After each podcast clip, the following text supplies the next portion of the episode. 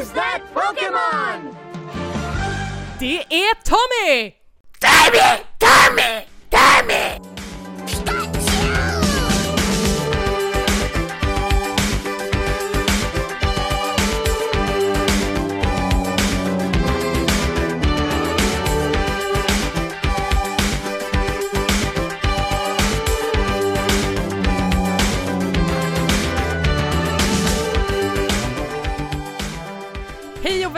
Välkomna till Späckat, en podcast om spel och allt runt omkring. Det här är det sjätte avsnittet. Jag heter Elisabeth. Med mig har jag Niklas Hej hej! och Tommy. Tjo tjo! Hej! Hur är läget? Det är bara bra. Hur är det själv? Det är grymt. Det är Ja. fint väder, det är Pokémon överallt och jag är lycklig. Jaha, det är därför jag har stängt in mig de senaste tre dagarna. för att du ska Ja. slippa. Pokémon. Nej, eh, jag, jag har tappat bort mitt eh, kontokort och min bank skickar ett, typ, eh, ett nytt kort som redan var sönder. Så jag har levt på kalaspuffar och mjölk. Eh, och bara stängt in mig och surat. Jag ska, jag ska resa iväg om imorgon så jag börjar bli lite så här nervös att jag inte får något kort. Eller jag kommer inte få det. Jag, jag vet inte, jag får väl leva på något annat där borta. Gud vad du är ute och åker hela tiden. Mm, Ja, live life. leva life. Har ni, hörni, det var inte så länge sedan vi spelade in. Nej, och eh, vi hade ju utlovat en diskussion om spelet Inside, men eftersom Tommy har haft ekonomiska problem så har han inte kunnat köpa några spel. Så vi, vi kan inte prata om det idag, men vi kanske kan göra det i nästa avsnitt istället. Vi kan prata om lite andra spel. Hur eh, med er då? Vad har ni haft för? Kan- vi bara värma upp lite innan vi bara kastar oss in i det här? Eh, jag kan säga, jag har ju inte gjort så himla mycket. Jag har, håller fortfarande på och packar inför den här fjällresan som jag inte har kommit iväg på än. Så det är ner med gummistövlar, myggmedel och eh, brädspel. Det är Ja! det man inte får missa. Jag tror du skulle säga brännvin. Om jag får feeling så tar jag med det också. För vanliga människor är det brännvin, för Niklas är det brädspel. Ja, samma grejer. Ja, nej men eh, sen eh, förra veckan så har, har ju Pokémon Go kommit som jag siade om, men det har inte kommit till Sverige. Men eh, jag har blivit amerikan på tillfällig tid. Eh, och så jag har spelet och eh, gud vad jag har spelat. Det ska jag prata mer om senare i det här avsnittet. Kul, ser vi verkligen fram emot. Hörni, något som har hänt är ju att Summer Games Done Quick har kommit och gått. Är det någon som Mm. har tittat på det? Alltså, fråga redan nu. Sitter man verkligen och tittar Aktivt. på, på det aktivt? För jag har ju på det att det i bakgrunden, typ när man städar eller sitter och spelar, så är det en dataskärm med det här som går och rullar. Men Vi har på det, vi har på det så typ alla våra vakna timmar här i lägenheten. Eh, vi har det liksom till frukost, sen går vi till jobbet och då har man det på en skärm där och sen så kommer man hem och sen så har man det på en skärm hemma hela kvällen. Ja men lite som radio nästan. Ja men typ faktiskt. Man lyssnar med, med halva örat och Om- tittar med Om vi, ena ögat. om vi bara ska backa lite så, eh, eh, Summer Games Done Quick är ju ett e- evenemang som arrangeras av den här rörelsen Games Done Quick som är en sammanslutning av speedrunners, alltså folk som spelar spel jättefort. De, deras uppdrag är liksom att varva spel och slå världsrekord i liksom hur fort de kan eh, ta sig igenom olika spel. Eh, och det gör de på diverse olika sätt. De kan antingen göra det genom, genom så här ren skicklighet, eller så kan de också använda sig av olika buggar och glitchar i spelet som låter dem göra saker som kanske inte alltid har varit tillåtna. Ja, det finns, finns ju vissa där de klarar på unika sätt också. Jag tror Donkey Kong Country 2 där det är två stycken som delar på en kontroll till exempel. Mm.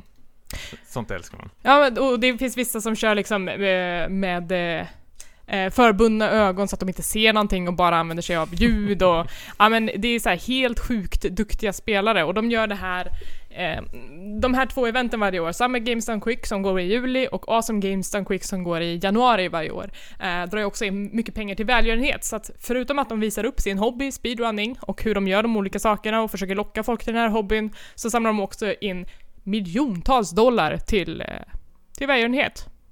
Så det är, det är ett väldigt fint initiativ. Är det lite som Musikhjälpen i P3, att det är lite olika, eh, att de samlar in till olika organisationer varje gång också? Eller är det bara liksom lite diffust välgörenhet? Ehm, eh, varje sommar så är det Läkare Utan Gränser. Och varje vinter är det Prevent Cancer Foundation, som är en organisation som, som informerar om hur man kan liksom undvika att få cancer. Det är inte cancerforskning, utan det är mer så här rök inte, det är en dålig idé. Och att, nej, men alltså att de gör mycket sådana kampanjer. Okej, förebyggande. Ja, syfte, precis. liksom. Ja, ja, för det är vä- väldigt fint där att pe- pengarna går till bra saker, eh, känner man. Men jag undrar varför de här stora eh, spelsidorna, jag vet inte, ingen nämnd, ingen glömd, inte gör någon reklam för det här. Jag tycker det, det kan man väl göra. ändå. Jag tycker att jag inte ser det ledsen. ganska mycket i så här, de stora spelmedierna, att de kanske tipsar om olika bra speedruns som har gått under veckan och så. Eh, Ja, jag, jag vet några som har fått lite skit nu i Mm. efterhand eh, faktiskt, att de inte har, de har väl nämnt och sagt nu i efterhand kanske grattis, men när det här har under varit, eh, under realtid så har de inte liksom gjort De inte har reklam för det, liksom, nej precis, att kom igen nu, gå in och titta på det här och skänk en liten slant eller bara vara med. ja. Och det, ja, Ja, det tycker det, man kan man att de borde lite. göra. Ja, verkligen. Ja, eh, nej men jag eh, har inte sett så här, eh, liksom hela, så mycket hela runs. Det var ju ett väldigt coolt Castlevania- Castlevania-run med förbundna ögon där. Så, som gick lite utför men det gick också ganska bra. Eh, Tommy, såg du något spel som du... Men jag, jag brukar ju plocka mina de här, uh, favori, alltså mina favoritspel som jag själv gillar. Ja, det är ju alltså man spelar väldigt mycket, väldigt mycket när jag var liten, men när jag tittar på de här live då, såklart, så- de har ju publik i bakgrunden. Det är oftast väldigt tomt på de spelen som jag vill titta. Och då har det varit, eh, Super Mario RPG var det väldigt många. Han klarade igenom det på tre timmar. Det, det är helt sjukt. Det tog mig ja, någon, flera månader att klara det här spelet, känns som, när det var nytt. Och eh, sen var det mm, den här stafett-grejen de gjorde i Super Mario Maker var väldigt roligt att titta på faktiskt. Illusion of Gaia var också helt sjukt att kolla. Ja, det är väl det som är roligast, att man ser spel som man själv har spelat eh, och så här, lagt ner så här, tusentals timmar bara bli så här söndertrasat av någon som tar sig igenom det på eh, typ en kvart. Eh, det är väl det. Jag kollade på Dishonored-runnen till exempel, där jag spelar ju det väldigt, väldigt försiktigt och så här, arbetar mig väldigt metodiskt igenom de här banorna, men eh, han, killen som körde det, han bara så här, blinkade sig igenom hela banan och det gick liksom i en svinblink så var det över. Man bara, hallå? Eh, så de är sjukt duktiga. Har ni några exempel på eh, egna liksom speedruns ni skulle kunna genomföra och visa upp för publik? Alltså spel som ni vet att ni klarar mycket snabbare än den stora massan.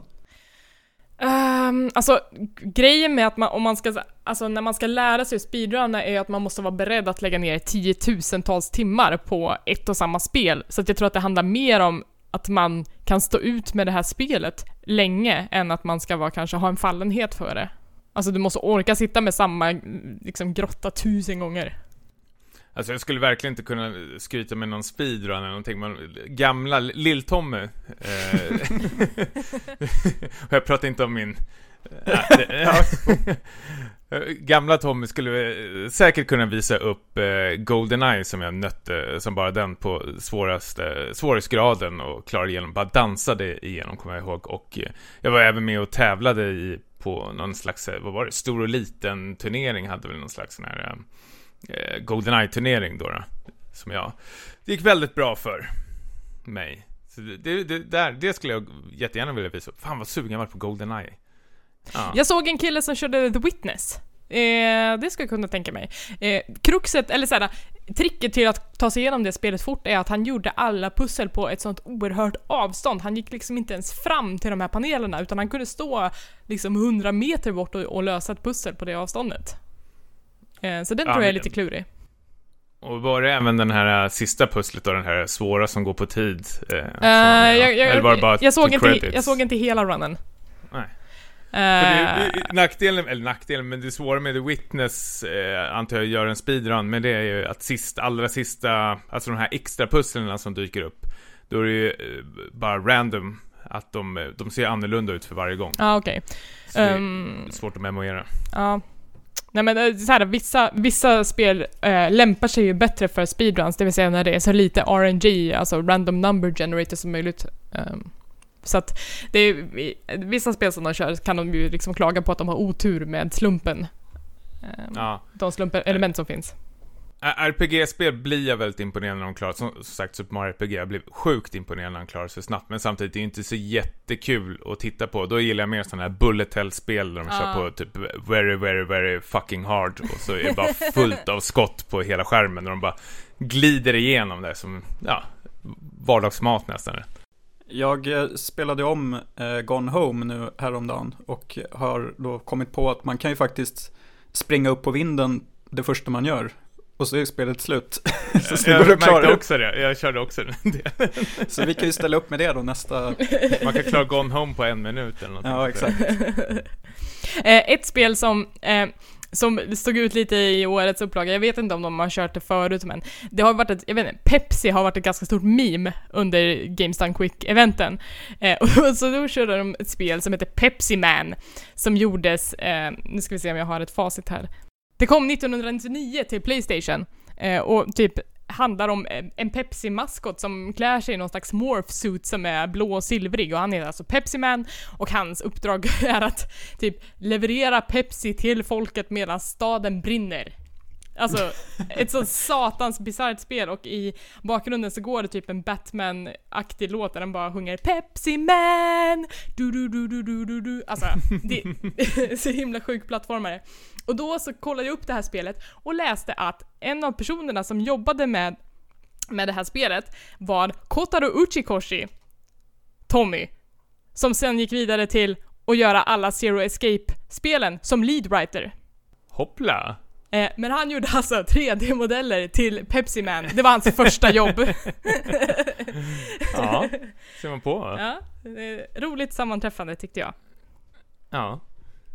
Ja, nu älskar jag honom ännu mer, eller vadå? Ja, det tycker jag. Jag tycker du ska göra.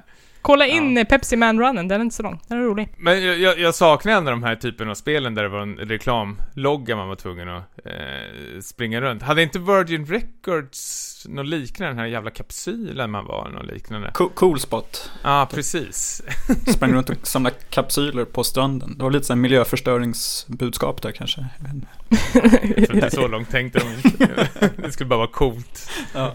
Ja, nej, men det var så här, i Pepsi Man så var det också så här, det satt en eh, billboard med en stor eh, 3D Pepsi-burk på och den ramlade ner från den här billboarden och började eh, rulla efter Pepsi Man och hotade att mosa honom.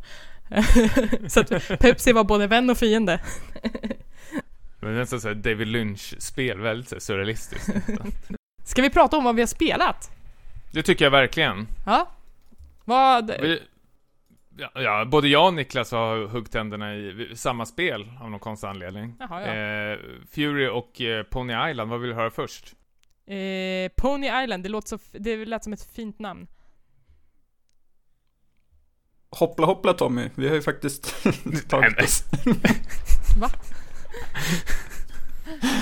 Ja, nej, Pony Island, alltså det, ehm, det, det låter ju som något helt annat än vad det egentligen är. Det är, in, det är förvisso lite hoppande med en ponny, men eh, spelet går gärna lite djupare än så. Eh, handlingen i korthet är att man, eh, man tar rollen då som en spelare som eh, lyckats fastna inuti ett arkadspel som då heter Pony Island. Eh, yes. Och eh, det, här, det här spelet har då programmerats av typ djävulen, en slags demon. Och målet med spelet är att liksom ta sig ur Pony Island och liksom vända de här olika utmaningarna eh, mot den här djävulen och bryta ner, hacka sönder spelet bit för bit och sen då fly i slutändan. Åh oh, fan, ja. Coolt. Det är ju någon slags blandning mellan eh, vad är det, pek och klicka spel möter 2D-plattform. och det är, det är någon slags eh, smått hommage till de eh, gamla eh, spelen. Kan man ju hitta lite här var. Ja, precis. Jag tyckte att eh, färgpaletten påminde väldigt mycket om min allra första konsol, ColecoVision. Att det är lite svart och vitt och lite sköna, ja, gula, blå, röda färger. Det är lite eh, chromatic aberration i det. Det kallas det Ja. när, när de här blåa och röda okej. kanalerna har liksom hamnat lite åt sidan. Ja, ja. Ja, ja men det är, det är väl precis sånt i så fall. Och sen som då Tommy sa, lite mer så här 2D, eh, man kan väl säga sidskrollande plattformsspel då, när man hoppar över hinder och når fram till en här Super Mario-flaggstång. Och det är sådana här sekvenser som upprepas med lite små skillnader eh, då som tar, eh, tar liksom handlingen framåt. Ja, det, det är ju väldigt så här, syrligt, alltså det, det, det, känns som det går på syre det här spelet. De, de, jag vet inte, det är väldigt svårt att förklara vad man är med om eftersom det händer väldigt mycket. Alltså skärmen går sönder, man hoppar ut ur spelet, man hoppar in i spelet, du kan inte trycka på start game. Det gäller liksom klicka sig runt och prova nya liksom genvägar för att liksom, för först liksom starta igång Pony Island-spelet och sen ska man liksom så här hacka sig in i de här eh, exe-filerna och göra dem korrupta och allting liksom. Det är mycket pillande. Det händer väldigt mycket faktiskt. Och du har alltid liksom spelaren igång hela tiden känns det som. Precis. Det är mycket så här tänka utanför boxen känsla. Och så fort man, eh, känner jag i alla fall, har börjat tröttna på en viss del, då, då byter det spår. Och så får man liksom tänka om lite nytt. Eh, och det här spelet är uppdelat då i tre akter och jag vet inte Tommy, har du tagit dig till slutet? Jag, jag ligger i... Du har klarat spelet eller? Ja, precis. Ja, nej, men jag ligger i sista akten nu faktiskt. Mm. Um, men jag, tyck, jag tycker verkligen att um, att man ska spela till slutet för det händer otroligt intressanta saker precis på sluttampen. Spe, spelet är uh, ja, mycket av det som varit in, uh, innan fast kanske att de tar det ytterligare ett varv. Att det har Eh, jag vet inte, jag, fick lite känslan av, eh, om ni kommer ihåg, när man mötte Psycho Mantis i första Metal Gear Solid första gången. Mm. Att det är så här verkligen att eh, man, ja, jag ska inte säga mer än så. Tänk nej, utanför nej, boxen. Nu, nu vart jag, herregud, jag, det, för det, nu är det någonting som inte jag har varit med om. Jag gillar ju det så långt jag har spelat nu, för det är precis som du sa, att det gäller ju att tänka utanför låna hela tiden. Men det finns ju ett inbakat mysterium i det här. Man sitter ju och chattar med någon som är låst i det här spelet. Jag har inte riktigt fattat än vad det innebär. Och sen är det den här speldjävulen som har tagit tag i en. jag vet, det, det, det är ju supersurrealistiskt det här. Och eh, jag tycker om det jättemycket faktiskt. Det, är väl inte så jättelångt, det tar, ska vi ta runt 3-4 timmar och klara Ja men då så, jag tänkte precis fråga om det var långt, men det låter ju överkomligt. Ja precis, alltså det är, det, det lustiga är ju med att eh, om man bara tittar på titelskärmen så ser det ut som eh, många spel i din App Store. Alltså det här lite eh, glada och fluffiga utseendet. Men eh, spelmomenten som man kör är ju raka motsatsen. De är ju verkligen helt avskalade och har inga sådana här eh, grafiska eh, vackra element utan det är bara det här fula skelettet därunder. Så att det är ju ganska mycket eh, det är liksom en satir över spelvärlden och hur många av spelen bygger sina liksom eh, sina intriger på alla de här belöningsmekanismerna som eh, som liksom det som vi ska eh, som gör att vi ska spela vidare och hålla oss kvar. Men eh, ehm, eh, Pony Island är väl lite motsatsen att målet är liksom att fly från själva spelet och att det är någon typ av eh, man kan väl se det lite som en metakommentar kring eh, hur vissa spel är uppbyggda. Men det är lite som, jag vet inte, The Stanley Parable kanske ni spelade när det kom. Det är att man bryter ner spelmediet till beståndsdelar för att liksom göra en poäng över hur eh, vissa delar är ganska liksom jag vet inte, meningslösa. Ja, men jag förstår. Ja, men de driver ju till, ett exempel är att de driver med det här grindadet i, i det här spelet. Att, eh, ja, för att kunna gå vidare så måste du gå upp i level 99. Men kör bara den här banan så börjar du grinda exp. Och så spelar man en bana och så klarar man den och då får man en experience points och så är man på level 1. Och då är det bara, ja men det är bara att fortsätta. Du ska upp till 99 och då måste man eh, komma på hur man ska komma runt det här på eh, ett annat sätt då. Så det, det, är det som jag, jag vet, det, det, känns väldigt fräscht det här spelet faktiskt. Och det, är väldigt imponerande för det var ju med i någon slags sån här tävling där man ska göra ett spel eh, inom 48 timmar. Alltså då, ett game jam. Ja, precis. Och eh, då, jag vet inte om Pony Island vann där eller om det vart väldigt omtyckt. Men eh, hur som helst så vart det ju ett spel av det till sist. Ja, men, det här. men hur många ponnysar är det med i spelet egentligen? uh, det ska man inte avslöja, men... Nej. Uh, Nej. det måste upptäckas. Men, okay. men den här ponnyn, som en av dem som man spelar i alla fall är väl, jag vet inte, det är väl någon slags flodhästponny med en slags enhörning. Jag vet inte vad det är, det ser så jävla vanställd ut. Den är så jävla ja. vidrig att kolla på tycker jag. Den är olycklig. Säger Ja, verkligen. Eh, Och, och huvudet rör sig liksom 360 grader liksom, om man kollar från 3D, eh, eller 2D-plattform då, sidan. Så det, det ser helt jävla vanställt ut när man håller på att springa runt som den här ponnyn. Och med den här obehagliga surrandet från, från maskinen också, eller liksom arkadkabinettet, det är också så här Mm. eh, väldigt suggestivt. Så det är en ganska obehaglig känsla. Jag tänkte väldigt mycket på soundtracket vissa delar, när här bara här tunga dånet påminner väldigt mycket om eh, Angelino Badamantis soundtrack i så här, Lost Highway och eh, Mulholland Drive, att det bara liksom alla bara eh, somnat på keyboarden och så är det bara... Verkligen. Ver- verkligen eh, stämningsfullt faktiskt. Mm.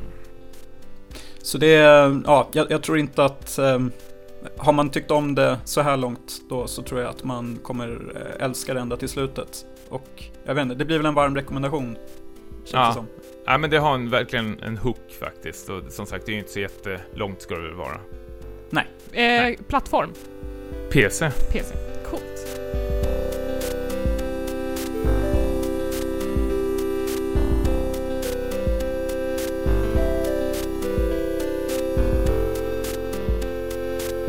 Spelat något mer? Ja, Ja. Fury.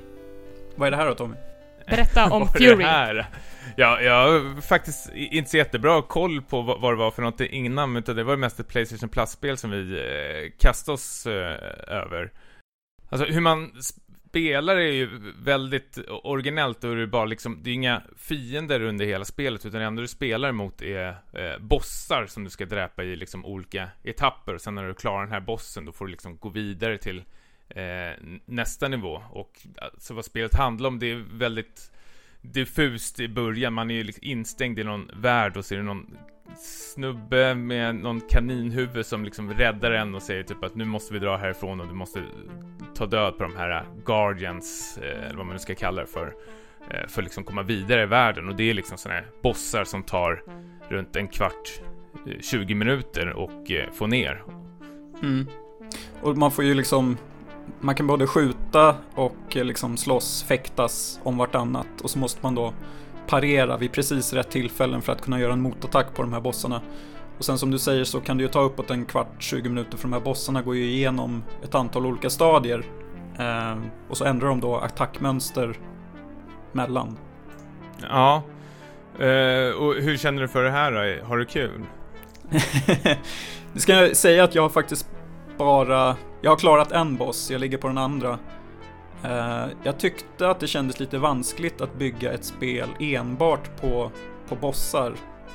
Och det, den känslan eh, ligger väl kvar lite här, för jag känner att man hinner inte, det hinner inte byggas upp direkt någon pepp mellan de här eh, fighterna. Eh, man går runt med den här kaninen då som försöker ge lite kontext innan striderna då, förklara vad det här är för typ av väktare, men hans repliker känns ju ganska oinspirerade, kan jag tycka. Ja, han ska försöka baka in i ett mysterium så här. "Ja, Du har säkert jättemycket frågor och jag har alla svaren. Och så börjar han prata om något annat. Ja, precis. Jag känner, jag har inte så mycket frågor. Jag känner mig ganska likgiltig. Och han säger ju efter andra bossen, eh, den här mentorn då, att eh, den här, det kommer bli en tuff resa, men det kommer att ge en väldigt bra payoff. Men liksom storymässigt så har jag svårt att det här kommer att liksom presentera någonting som får en att trilla av stolen av liksom för, förvåning eller vad det nu kan vara. Ni har inte jag- spelat ut spelet än? Nej, jag har bara klarat en boss. Ah, okej. Så egentligen är det väl för tidigt att uttala sig om helheten, men jag känner att eh, det- det känns som något som, som har fötts tack vare de här eh, liksom Dark Souls-spelen. Lite att det är svårt för sakens skull. Och att man kanske inte har så mycket annat att komma med. Eller vad känner du Tommy? Ja, alltså jag, jag, jag gillar ju idén med att man ska gå igenom och dräpa igenom ett gäng liksom episka bossar, men det, det jag ser nackdelen med de här är att de här bossarna är ju mest bara små figurer som springer runt. De känns inte så episka. Det är inte liksom Shadow of the Colossus-bossarna eller det är inte liksom Metal Gear Solid-bossarna, utan det är ju figurer som springer runt och jag tycker de bossarna jag har mött så påminner de flesta liksom attackerna varandra. Antagligen så har de någon range-attack där de skjuter en massa med saker eller så är det någon speciell närstridsattack där de liksom, alltså man, som Niklas sa innan, man måste liksom så här parera de här slagen, då har de ju alltid att liksom deras svärd lyser till och då ska man trycka på pareringsknappen och så har det ju varit nästan hela tiden nu på alla bossar. Så det känns inte så jättestor variation mellan de här bossarna, det jag har spelat i alla fall. Förutom utseendet då, men som sagt det är ju liksom bara små gubbar som springer runt. Jag skulle vilja ha någon stor jävla meck eller vad som helst liksom, bara för att få lite... Jag vet inte, som sagt, när det är bossar så vill jag ha det här stora jäkla episka bossarna. Ja, lite variation är ju alltid liksom trevligt. Um, vi ska väl säga också att, eller det som gjorde att jag fick upp ögonen för spelet var att soundtracket innehöll många av de här artisterna som varit med och bidragit med låtar till Hotline Miami-spelen. Carpenter så, Brute, typ. Carpenter Brute och eh, Wave Shaper med flera som eh, Så att det låter ju väldigt bra, det liksom pumpar upp en under striderna men eh, Jag vet inte vad jag ska säga om det här liksom det grafiska, det känns lite som de här Tron-filmerna jag tycker, att det, jag tycker ändå att det ser bra ut det lilla jag har sett av det. Alltså jag gillar ju den här stilen väldigt mycket.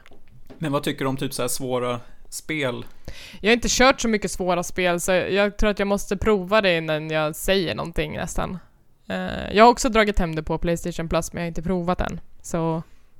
Maybe soon. Mm. Alltså det, det, är ju verkligen inte dåligt. Det, det är ett helt okej okay spel. Men jag känner att jag, jag, efter en boss då stänger jag av och känner mig rätt så klar och tar en paus. Och sen återupptar jag det några dagar senare eller någonting. Eh, jag, har inte, jag får inte riktigt den här hooken att jag vill fortsätta och jag är inte rätt så nyfiken vad den här storyn kommer eh, bära iväg mig någonstans. Lite, lite ljummet alltså? Ja, lite kiss i ljummet faktiskt. Nej, Nej, får man inte säga den här jävla podden. Nej, det får du inte. Nu får du mogna till lite. ja, ja äh, men jag vet inte. Ja, jag får väl se om jag spelar klart det däremot. Ser sådär. Så får Niklas spela klart och så får han avslöja om det är värt. Om kaninen har något roligt i hatten. En till kanin kanske.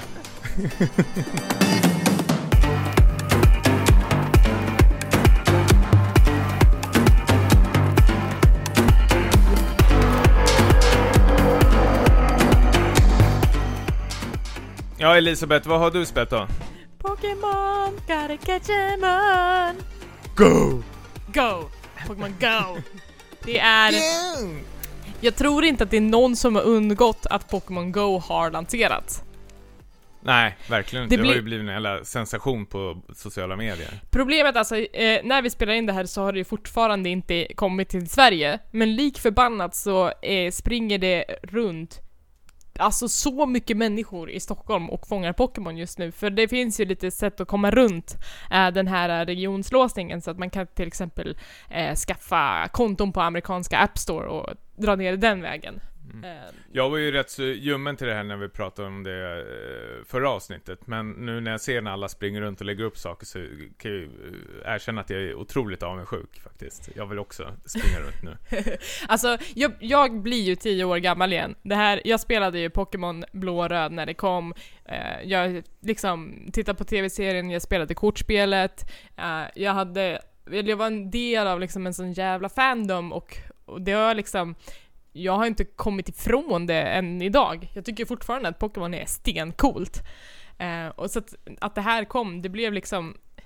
Det är en sån briljant uppföljning på hela franchisen. Eh, helt rätt i tiden. Pokémon Go är ju alltså då en augmented reality-app där man eh, genom en GPS karta kan gå runt i det verkliga livet och sen få Pokémon i mobilen på de olika platserna som man går till.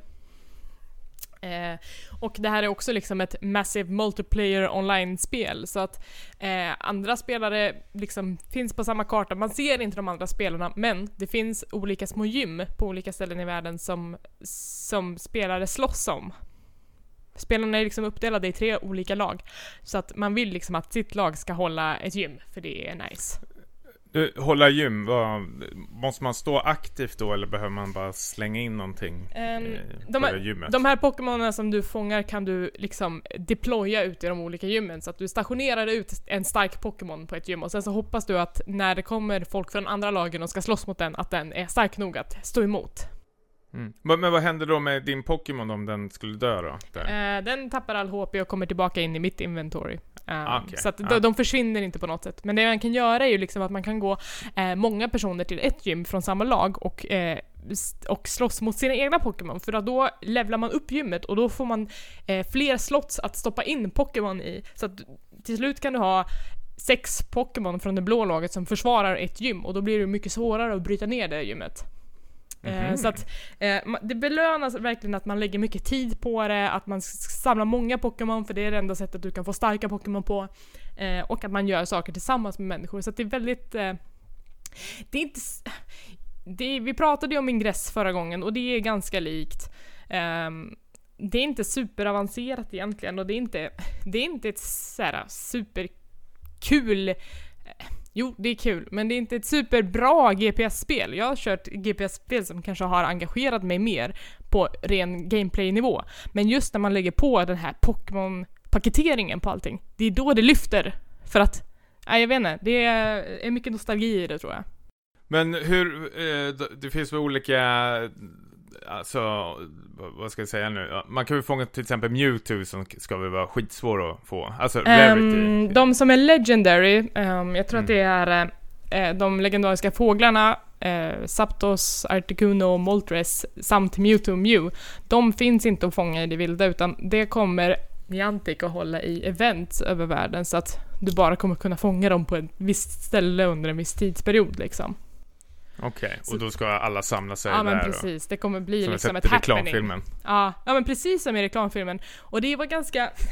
När, när den här reklamfilmen kom så sa ju folk Ja. att så där kommer det inte bli. Folk kommer inte stå 100 personer på Times Square och jubla.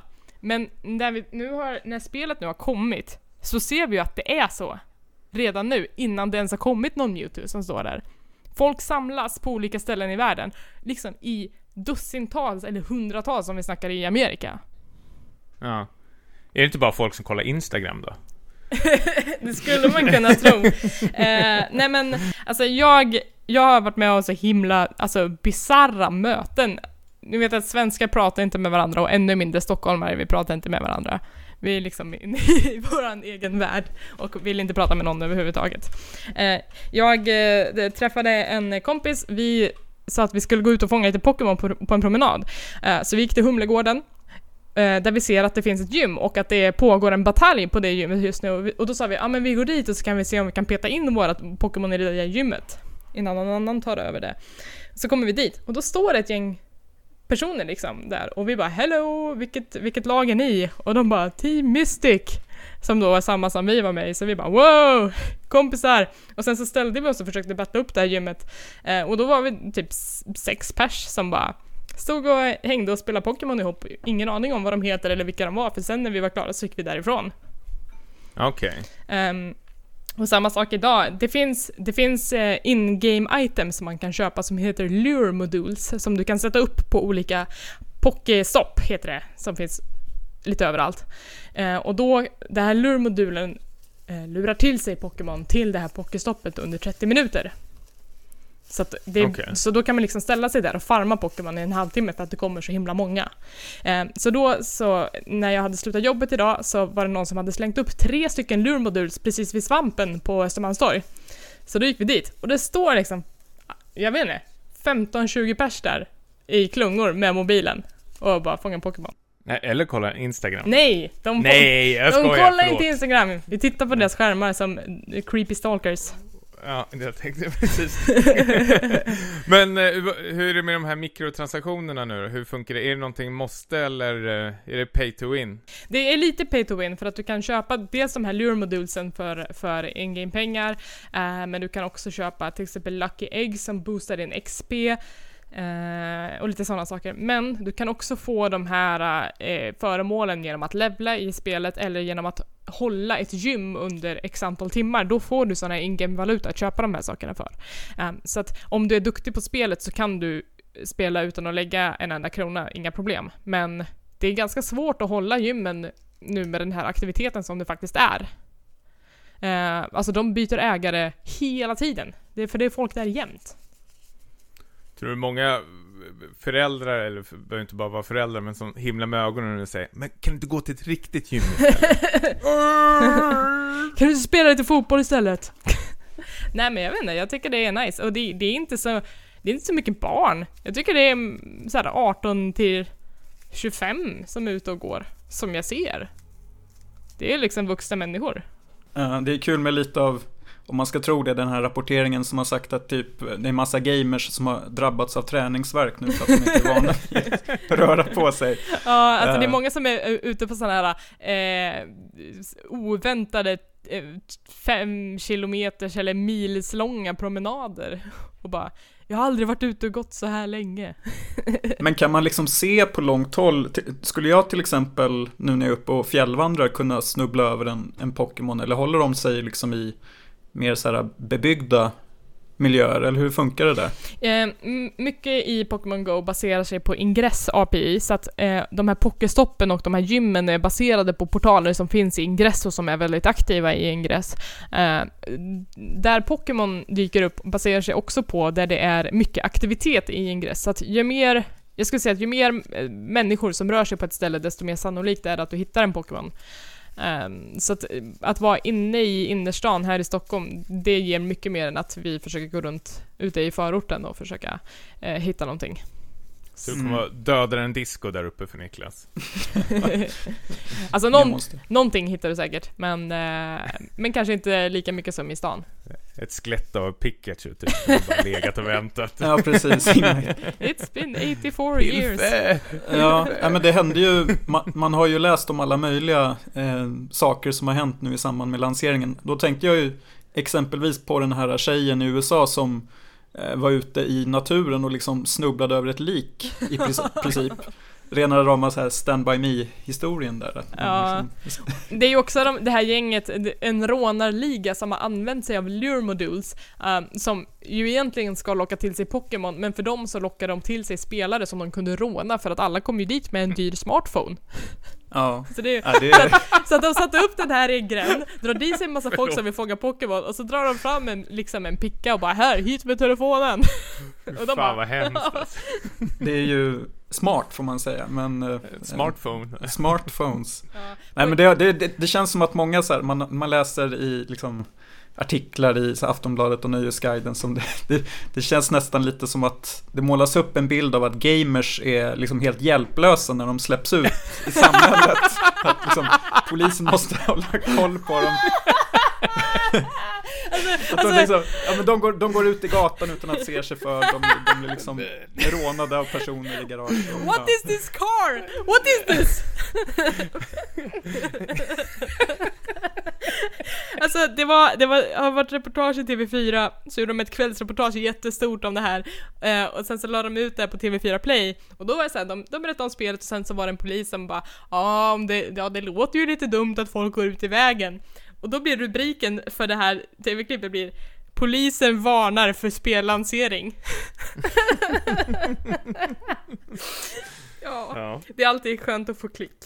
Det kanske blir den nya GTA-snackisen nu det här, Pokémon Go, typ hur det förstör samhället. Ja, fast först så ska vi få riktigt eh, starka vader.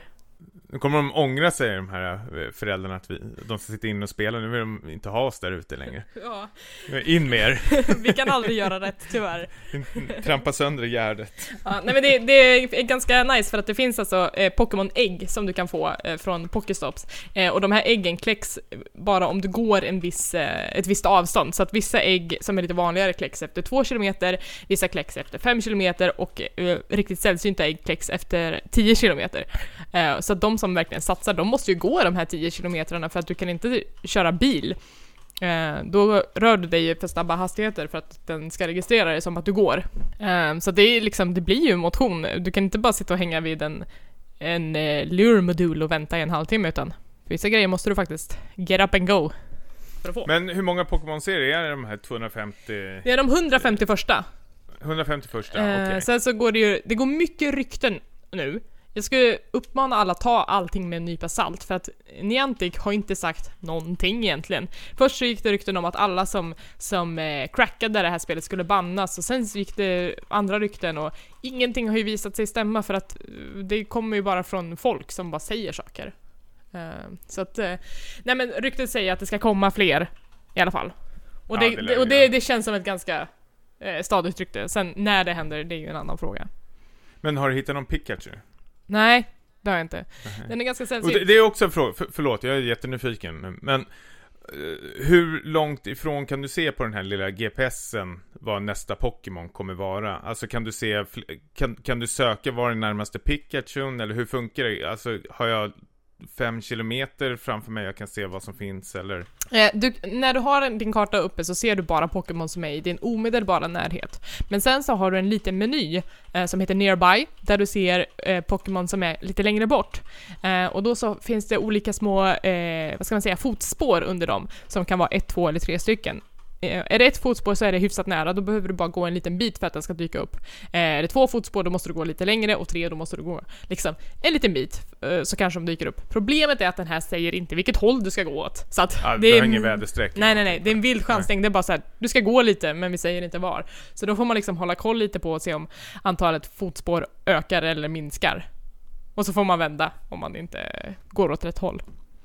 Men, Mm. men så ambitiös är jag ju bara om jag ser någonting riktigt sällsynt och som jag verkligen vill ha.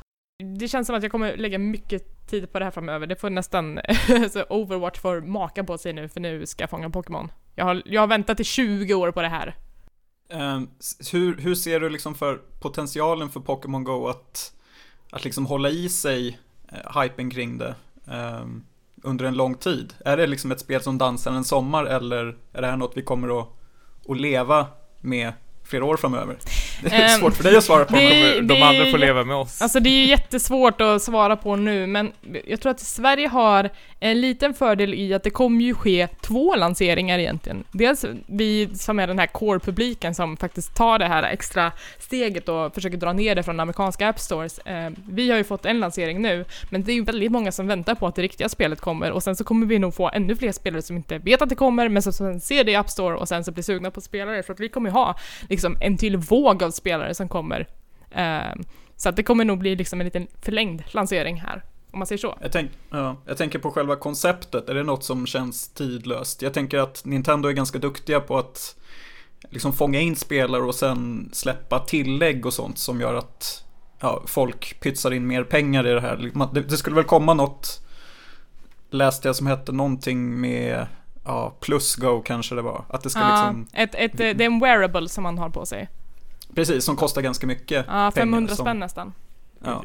Du har ju den förbeställt då? den här. Nej, det har jag inte faktiskt. Eh, eh, Men om, man ska se till konceptet så det är svårt att säga. Jag tror att det kommer att dö ut efter ett tag, men sen så tror jag att det kommer bli lite som Ingress och som Turf, att de kommer ha, den kommer ha sin publik som kommer vara sjukt hängivna. Mm. Som stannar kvar. Jag tror inte att, att alla kommer hänga kvar, men jag tror att de som gör det kommer att vara nog värt för Nintendo att hålla fast vid. Ja. Man kan ju tänka sig att det här blir en fingervisning om vart eh, Nintendo kommer att ta vägen framöver. För nu, så här heta har de ju inte varit sedan eh, första Wii. Nej, deras, deras aktie, aktiekurs har gått upp med, vad var det, 32% eller något sånt där. Det är helt bisarra siffror. Så Ehm, det här kanske är liksom, eh, de känner att det, det är den här marknaden vi kommer att satsa på nu framöver. ja, Det, det är väl kanske det som NX är planerat att vara också, det jag, vet vi inte. jag men- tror att dels att det kommer förändra Nintendo, men jag tror också att det kommer för- förändra landskapet för augmented reality. Alltså, jag tänker, tänk på alla tech-startups som kommer komma nu och bara Vi vill göra Pokémon Go fast för dating Eller vi vill göra Pokémon Go fast för eh, restauranger. Alltså, det, det kommer ju komma den grejen också sen. Pokémon Go dating, va? Nej, nej men alltså att, Vad, vad att, händer nu? nej, men att, att det kommer vara liksom appar som baseras på samma teknik men som kommer ha andra teman. Ah, okej. Alltså au- augmented reality, att det kommer bli en större Mm. grej inom, inom appar. Mötesplatser för liksom kärlekssugna personer då liksom som placeras ut. Lite som Ta med dig din Charmander. Men, alltså st- st- styrkan i Pokémon Go är ju massorna. Alltså de, de, det här spelet blir ju bara roligare ju fler det är som spelar. Ehm, det, det är svårt att komma från ingenstans och få upp den här spelarbasen som Nintendo har gjort. Det är, alltså, ryktet säger att det är så här, över 7 miljoner nedladdningar nu. Det är otroligt mycket människor. Eh, det gör ju spelet roligt. Det som inte känns så himla kul med Pokémon Go just nu är ett, lanseringsstrategi. Det vill säga att vissa länder får en smygpremiär. Det finns inga datum för någonting. Niantic säger ingenting. Um, det, och och det, som, det som händer nu är att de spelarna som faktiskt väljer att vänta på den riktiga releasen straffas ju för att de kommer hamna så långt efter de som har valt att liksom, fuska sig till spelet eh, här i Europa. Eh, så att de kommer ha liksom en mycket högre tröskel att ta sig in i liksom gymmen och, och battla med andra spelare. Så det är lite tråkigt. Um, och sen så, eh, nummer två är ju att, och som är, det är liksom en direkt påföljd av det här, det här med att folk håller på och fuskar sig till spelet, är ju att servrarna håller inte. Det är serverproblem hela tiden, skulle jag säga. Jag blir utslängd från spelet, jag kan inte logga in, det laggar när jag ska fånga Pokémon, det laggar när jag ska slåss, man får starta om appen hela tiden. Eh, så det är också en... eh, man blir väldigt, väldigt frustrerad. Det var det här lite vi förespådde ju i tidigare avsnittet. Ja men verkligen. Eh, så att det, och det är också en anledning till att Europa-releasen dröjer, för de måste stabilisera servrarna. Det ska väl uh, sluka ganska mycket batterier också? Ja, det är också, den, det, det är också en grej. Så att vi, vi, när vi åkte tunnelbana hemifrån jobbet idag så såg vi ett par som spelade och de började snacka med oss för att de såg att vi också satt och spelade och de visade att de hade båda telefonerna hade som liksom svansar ner i fickan för de hade powerbanks med sig. Så att det, nu har det liksom börjat sälja slut i alla elektronikbutiker för att liksom alla måste ha en powerbank. Ja, och jag tänker surfdata också. Jag har ju rätt så mycket tycker jag, men det kommer inte räcka till. Eller det lär ju bara ticka det också? Om man ska ha Ehm, GPS och allt. Det har inte varit så farligt. Eh, det drar ju ifrån Google Maps API och jag fick ett tips om att man skulle göra, man skulle spara offline-kartor i Google Maps och då drar det inte lika mycket. Okej. Eh, så det är... eh, Tips från coachen. Ja, det, det finns lite sådana så här. Ja men, pro-tips. Eh, Det finns en battery saver-funktion i spelet som gör att när du vänder telefonen upp och ner så blir skärmen mörk och den vibrerar bara när någonting händer. Så att det finns lite sådana grejer man kan hålla koll på. De, de här, sista frågan nu då. Eh, De här eh, pokébollarna då, som man har, måste fånga dem. Har man hur många som helst eller är det... De samlar du på, på de här Pokestopsen. eh, som finns lite överallt. Uh, Pokestops är olika eh, platser. Det, jag har liksom fem, fem, sex stycken inom 100 meter från min lägenhet. Och eh, då går man fram till dem och sen trycker man på dem och sen snurrar man på dem och då får man en massa items.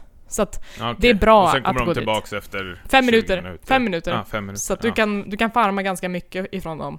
Och det, då får man liksom bollar och potions och ägg och ja, kul grejer. Mhm. Niklas, ska du Ja. köpa det här? Ja, Eller köpa, följ med köpa, mig på men- Pokémon-promenad. Vore, vore ju ett bra avsnitt om vi gör en levande radio av det hela. Att vi går ut och spelar in när vi är ute och jagar folk. Ger oss ut på hike. Ja. Packa ner extra batteriet. CC Grimstaskogen kanske? Det gör vi. Jag följer med. Nu tänker jag bli allra bäst och bygga upp ett lag. Jag ska söka och fånga flest och träna har fått ett spel utav eh, EA här i Sverige och tävla ut till en lyssnare. Coolt va? Helt otroligt. Ja. Eh, EA har en liten hälsning till alla våra lyssnare. De tipsar nämligen om eh, att man kan signa upp sig till speltester hos dem. Har ni gjort det förut? Niklas Zombie? Nej, jag, jag har alltid velat faktiskt. Men jag får aldrig. Jag har faktiskt varit på speltest och jag har varit hos, eh, hos EA också. Alltså eh, premissen med speltest är att man går in, man får testa ett spel som, som de fortfarande håller på att utveckla och sen så får man ge feedback på vad man tycker om det och då kommer de förmodligen använda den här feedbacken till att göra ett, eh, ett bättre spel. Um, så det är kul för att man eh, får prova spel som inte finns, man får ge feedback, man får eh, också kanske testa olika tekniker så att det kan komma liksom, det kan vara ett VR-spel, alltså sånt som man kanske inte har hemma än. Eh, och sen så får man ett spel med sig hem som tack för hjälpen. Eh, Så att om du som lyssnar bor i Stockholm och är sugen på att testa lite spel hos EA så kan man gå in på adressen playtesting.ea.com och skriva in var du bor, vad du heter och sådär. Eh, Så kommer du få mail eh, i din inkorg när det är dags för speltest. Coolt va? Ja, jag, jag, jag ska väl skriva upp Du ska mig. skriva upp dig. Ja, men jag vill prova. Jag har aldrig gjort det förut. Jag har mycket att säga. Mycket bra. Känns. Mycket åsikter. Ja, mycket åsikter. Så att, och vi har alltså fått ett spel av EA att tävla ut till en lyssnare. Nämligen Mirror's Edge Catalyst som är hyfsat nysläppt. Mm. Till en valfri eh, plattform också. Ja, man får välja precis vilken plattform man vill ha det på om det är PC eller Playstation 4 eller Xbox One. Så hur gör man för att vinna det här spelet Niklas? Vi kommer att eh, spela upp eh, tre ljudklipp eh, nu och eh, vi vill att man eh, skriver till oss och berättar eh, vad det är, från vilka spel de kommer. Och Mm. svaren mejlar ni in till späckatpodcast at gmail.com. Späckat med två C och podcast med ett D. Ja, man vinner alltså Mirror's Edge Catalyst, alldeles nytt och fräscht från EA Dice, till valfri plattform, alltså antingen PC, Xbox eller Playstation 4. Du väljer! Låt nummer ett.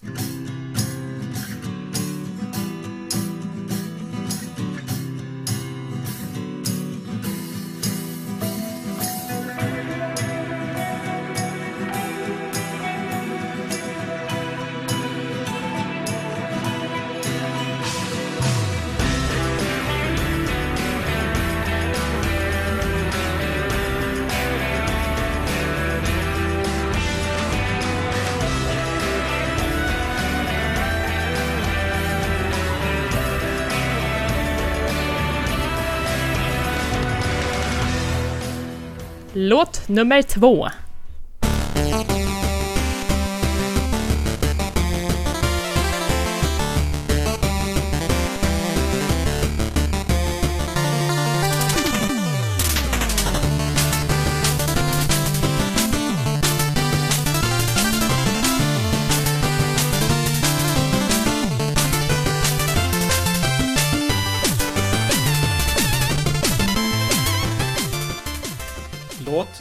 Tre.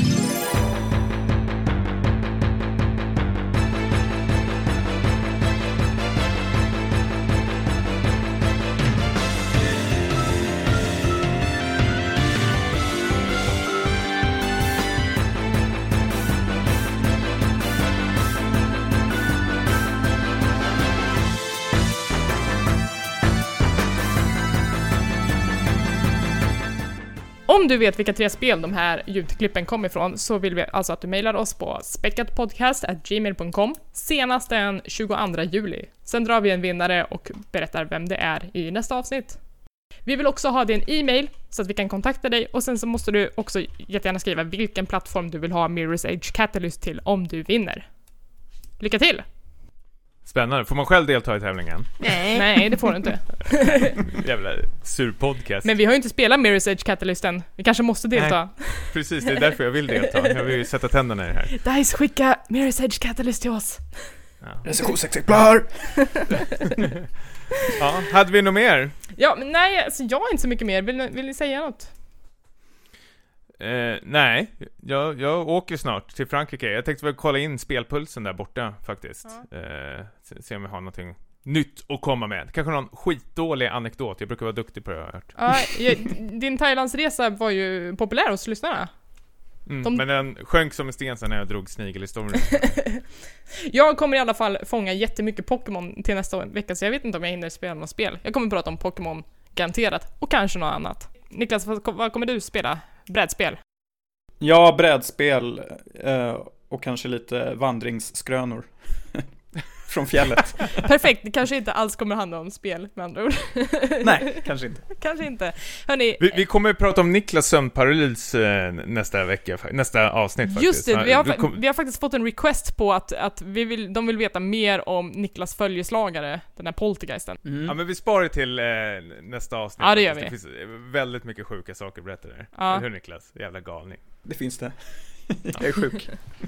Hörni, om man vill hitta späckat på, eh, på andra håll, vart beger man sig då?